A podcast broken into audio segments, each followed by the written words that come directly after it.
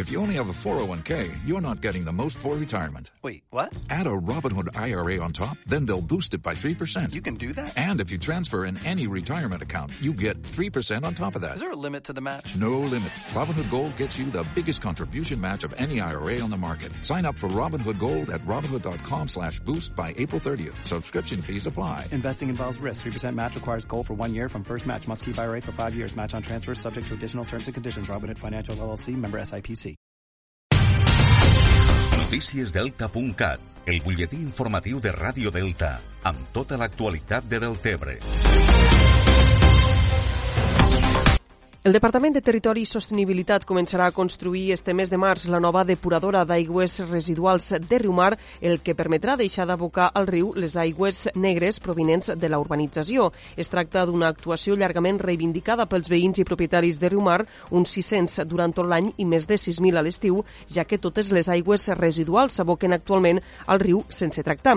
La inversió prevista en la nova estació depuradora en la nova estació depuradora superarà els 5,7 milions d'euros i les obres que han de començar este mes de març s'allargaran durant un període de 13 mesos. L'alcalde Lluís Soler ha insistit que amb aquesta inversió es posa solució a un dèficit històric. El nucli de Riu Mar aboca les aigües residuals al riu, sense cap tipus de tractament. I això era un dèficit històric que no podíem permetre. I per això eh, avui presentem pues, que en els propers dies se començaran les obres de la nova depuradora de Riu Mar.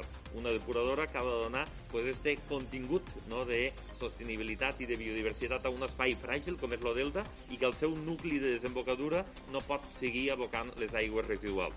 La nova depuradora es construirà en un terreny que caldrà elevar dos metres per sobre del nivell del mar per a evitar futures inundacions. La nova estació serà de tipus biològic amb capacitat per a tractar 800 metres cúbics d'aigua al dia.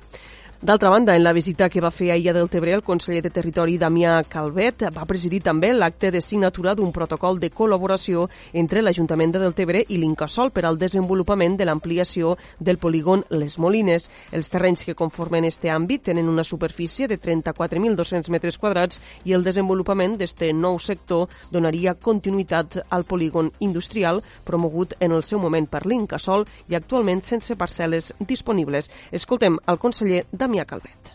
I per tant aquí, amb aquest protocol que hem signat avui mateix des de l'Incasol amb l'Ajuntament de Deltebre, creem condicions per tal de que, atenent a la possible demanda d'inversors, de persones que vulguin doncs, eh, desenvolupar eh, els seus punts de negoci a Deltebre, desenvoluparem, tant des d'un punt de vista de reparcel·lació com urbanització, aquestes eh, condicions que ens han de permetre acollir inversions. L'acord signat preveu dur a terme les accions i estudis necessaris per valorar la viabilitat d'esta actuació.